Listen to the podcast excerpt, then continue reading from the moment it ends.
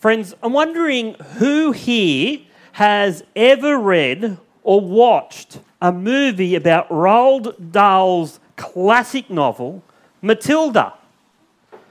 Has anyone here ever watched or oh there's people here in the front row. Awesome. Well, you may know that Matilda is a very very intelligent young girl with dud parents. With dud parents. See, Matilda's dad, Mr. Wormwood, well, he's a bit of a crook. Now, he says that he sells quality used cars. But what he does instead is wind back the odometer and then put sawdust in the gearbox so the car seems like new when it's actually really an old bomb. Now, in the end of the novel or the movie, if you watched it, the Wormwood family are forced to flee to Spain because the police, well, they finally catch up with Mr. Wormwood's dodgy business practices. And as you may already know, Matilda doesn't flee with her family. No, she stays with her favourite teacher, and the story ends in a happy forever after way. What a wonderful story it is. Uh, friends, have you ever been misrepresent, misrepresented? Have you ever been misrepresented? Well, misrepresentation in the law is where one party makes false claims about something which then adversely affects the other party who have signed a contract or purchased something. The classic is someone saying that an item is just like new when it's actually really old, just like Mr. Wormwood's used cars. Well, as we approach today's passage, we get the sense that the Old Testament law which we heard last week points to Jesus as a fulfillment, has been misrepresented to God's people by the religious leaders. And we can actually see evidence of this misrepresentation straight away as Jesus uses a unique phrase you have heard it was said when introducing each section of the law that he teaches on.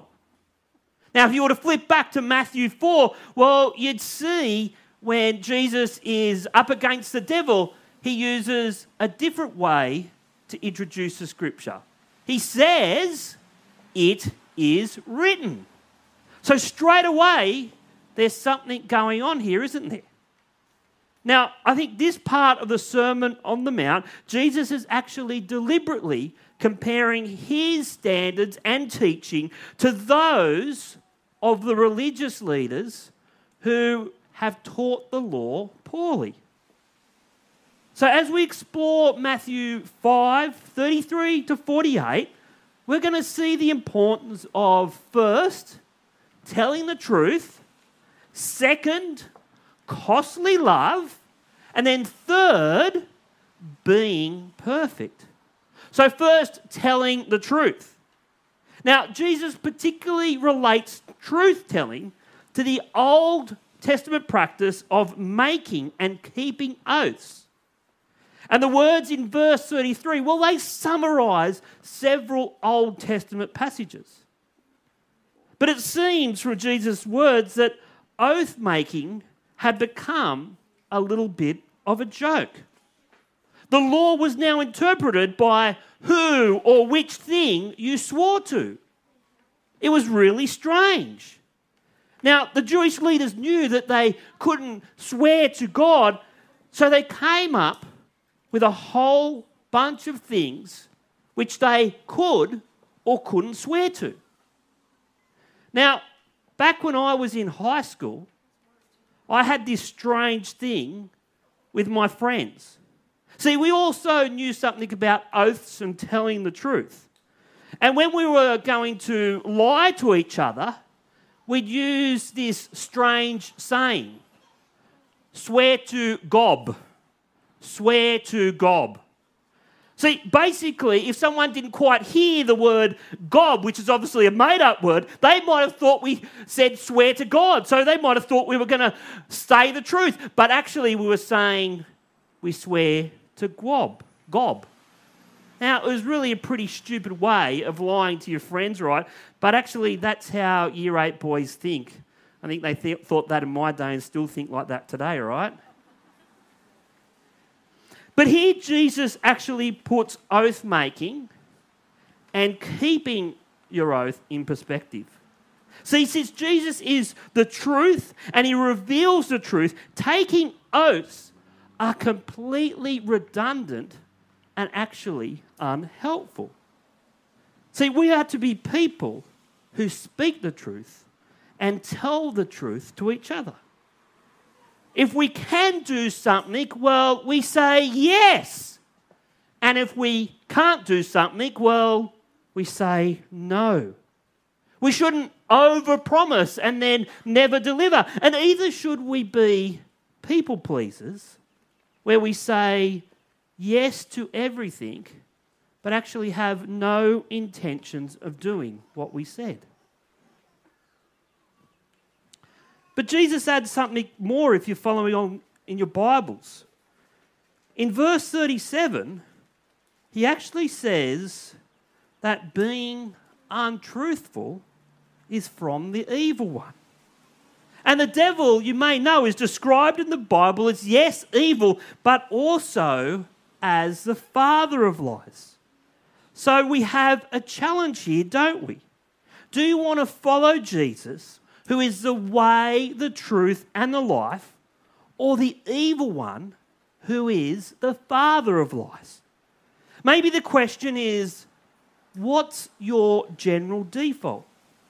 Are you trying to tell the truth in life?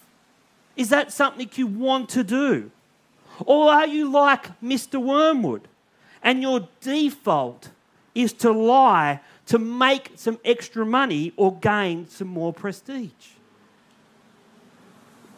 Friends, if you are desiring to follow Jesus, then you'll desire to tell the truth in all circumstances. Now, telling the truth, yes, is important, but so is costly love, which is our second point. And as I've thought about this, both this eye for an eye, tooth for a tooth, and love your neighbour passages, I think that they're all summarised by costly love. By costly love. See, this type of love that Jesus shows and the love he asks us to show to others. Now, the idea behind an eye for an eye and a tooth for a tooth in Exodus 21, where it comes from in the Bible, was an attempt to make justice both limited and proportional, stopping people from taking revenge and going way too far.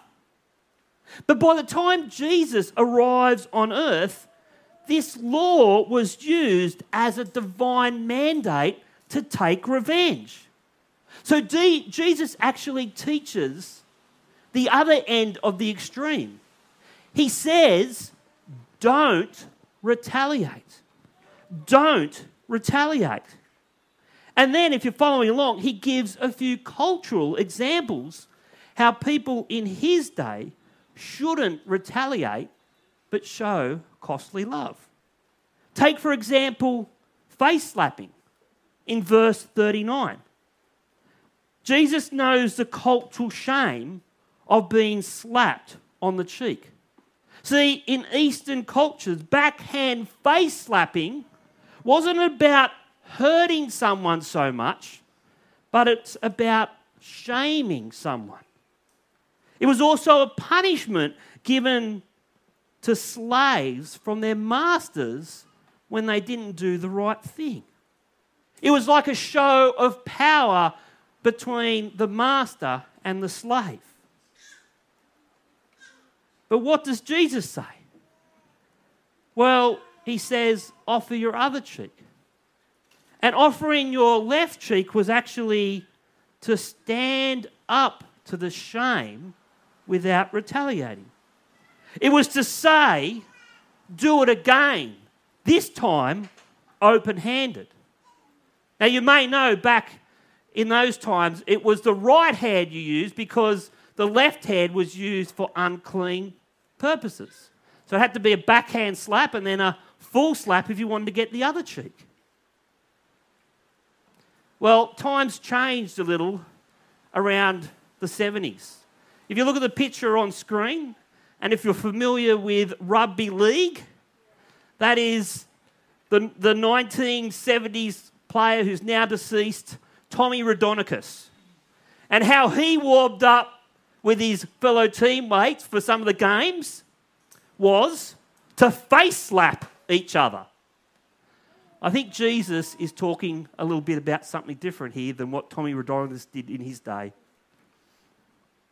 So, as we look at verse 40 and 41, we have another two cultural examples of being sued and giving more than what the legal requirement was, and then walking more than what was legally required with a Roman soldier's luggage, going the extra mile.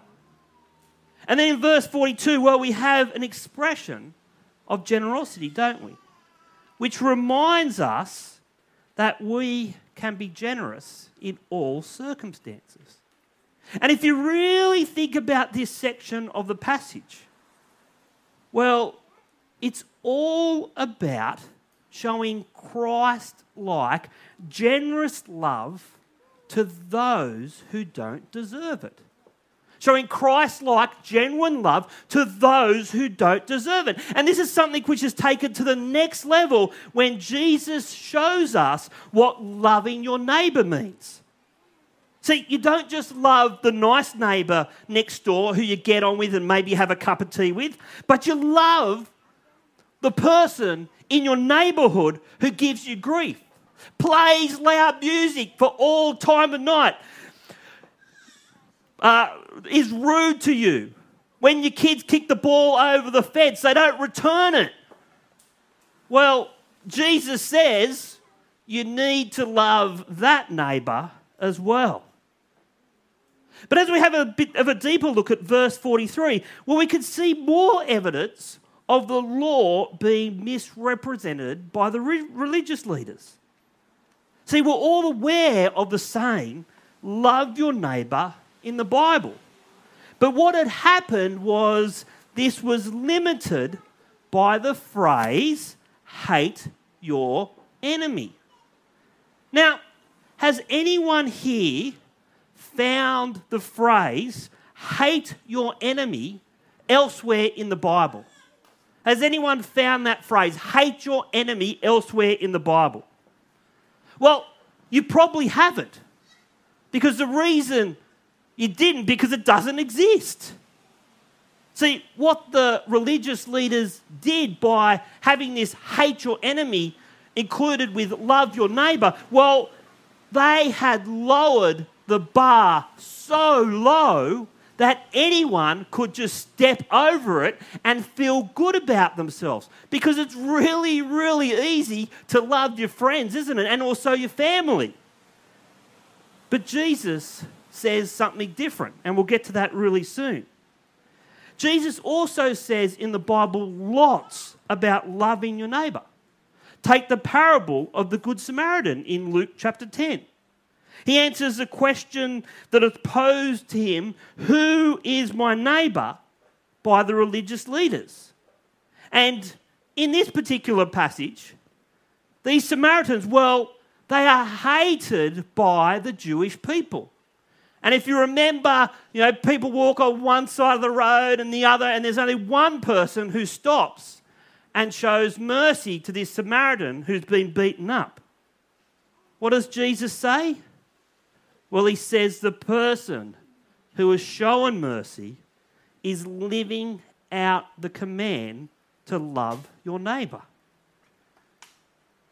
But as we hit verse 44, well, we see that children of God need to do more than just love their family and friends. they need to love their enemies and pray for those who persecute them. This is massive, right? This is huge. Loving and praying for someone who has done wrong against you is so hard. Let alone someone who is deliberately persecuting for who you are or what you believe in. This is something that we can't do on our own. We really need Jesus' help to pray for those who are persecuting us and also to love our enemies. See, Jesus is the one who is the perfect example of this type of costly love. After years of opposition from religious leaders and others who didn't believe in him, so much so that they sent him to the cross, what did he do at the point of being crucified? Well, he said, Father, forgive them, for they do not know what they are doing. He said that to the religious leaders. He said that to those mocking him at the cross. Forgive them. Forgive them. See, Jesus knew what costly love was. And he demonstrated on the cross when he died for the sins of the world. Even though that we know that we're saved by God's special grace, given to people like us through Jesus' death, and we accept this special grace revealed in the scriptures by faith alone, God still doesn't withhold his common grace from people. It says in our passage, he causes his sun to rise on evil and the good, and sends rain on the righteous and the unrighteous. Those who might reject or ignore him still receive his love shown in nature. See, he is a good God who just can't help doing good things even to people who are unworthy. Friends, we know that loving people can be difficult. We know even in a church situation, you could have been hurt. It might not have been here at this church, it could have been at a different hurt, a church, but you've been hurt in some way. We also know for some that they may have suffered an abusive situation which makes loving people really, really hard. But in these situations, we need to look to Jesus because he knows what it's like to be hurt, to be abused, to be rejected, to be disregarded, not just by his enemies, but by some who seem to be his friends. Take Judas as an example. So, friends, if you really find loving people difficult because of past experience, you need to work through these issues over time. You need to do it with a trusted friend, a pastor, or maybe even a professional counsel, counselor. See, loving one another is so important in the church context and in how we reach our community. And if something in your life has stopped you from loving other people deeply, then you need to seek help. You can't live the Christian life loving people less than when you started. See, mature Christians well, they need to grow in their love. Their love for Jesus, their love for others, and even their love for their enemies. I think this passage also brings a challenge for us here as a church to continue to be a loving and welcoming community. See, love is something that we do also as a collective. And verse 47 says, And if you greet or welcome, as I put there in italics, only your own people, what are you doing more than others? Do not even pagans do that? See, I want our church to always be a loving community which welcomes people of all ages, nations, and backgrounds. Why? Because I want our church to show Christ's love to people in our community who desperately need it. Friends, lastly, being perfect. And this verse, well, it changes everything. Be perfect, therefore, as your heavenly Father is perfect. Do you notice that this section about Jesus fulfilling the law doesn't end by saying, you need to work harder, or you need to go back to your Old Testament and look at the pure law.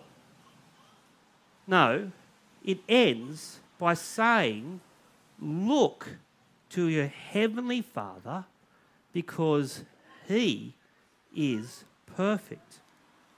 See, the law, the Old Testament, points forward to God's wonderful plan that it's fulfilled in Jesus. The wonderful plan of salvation through his son's perfect sacrifice on the cross for the sins of the world. And if we look a bit deeper at the language behind the statement, be perfect, talking about us, well, it describes a process of growth. Yes, we're made perfect in God's sight when we come to trust in Jesus because our sins are cleansed by his blood, but we also are being perfected by the Holy Spirit working in our lives to grow us to be more like Jesus. And as we look to the author and perfecter of our faith, well, we're strengthened for our journey through this life into the next. See, in this upside down kingdom that we've been welcomed into, we need to fix our eyes on God the Father because it's in Him through his son Jesus and by the power of the Holy Spirit that you grow spiritually in this life and reach eternal life, which is yet to come. Friends, we need to fix our eyes on God. Let me pray. Father God, help us today to be those who listen to your wonderful word, to those who listen to your Son. Father, we pray that you would help us to be truthful just as your Son Jesus is the way, the truth, and the life. Father, will you help us to have costly love that is other person focused? Will you help us if we are having difficulties in loving other people because of past hurts? Will you help us? And Father, will you help us to be perfect.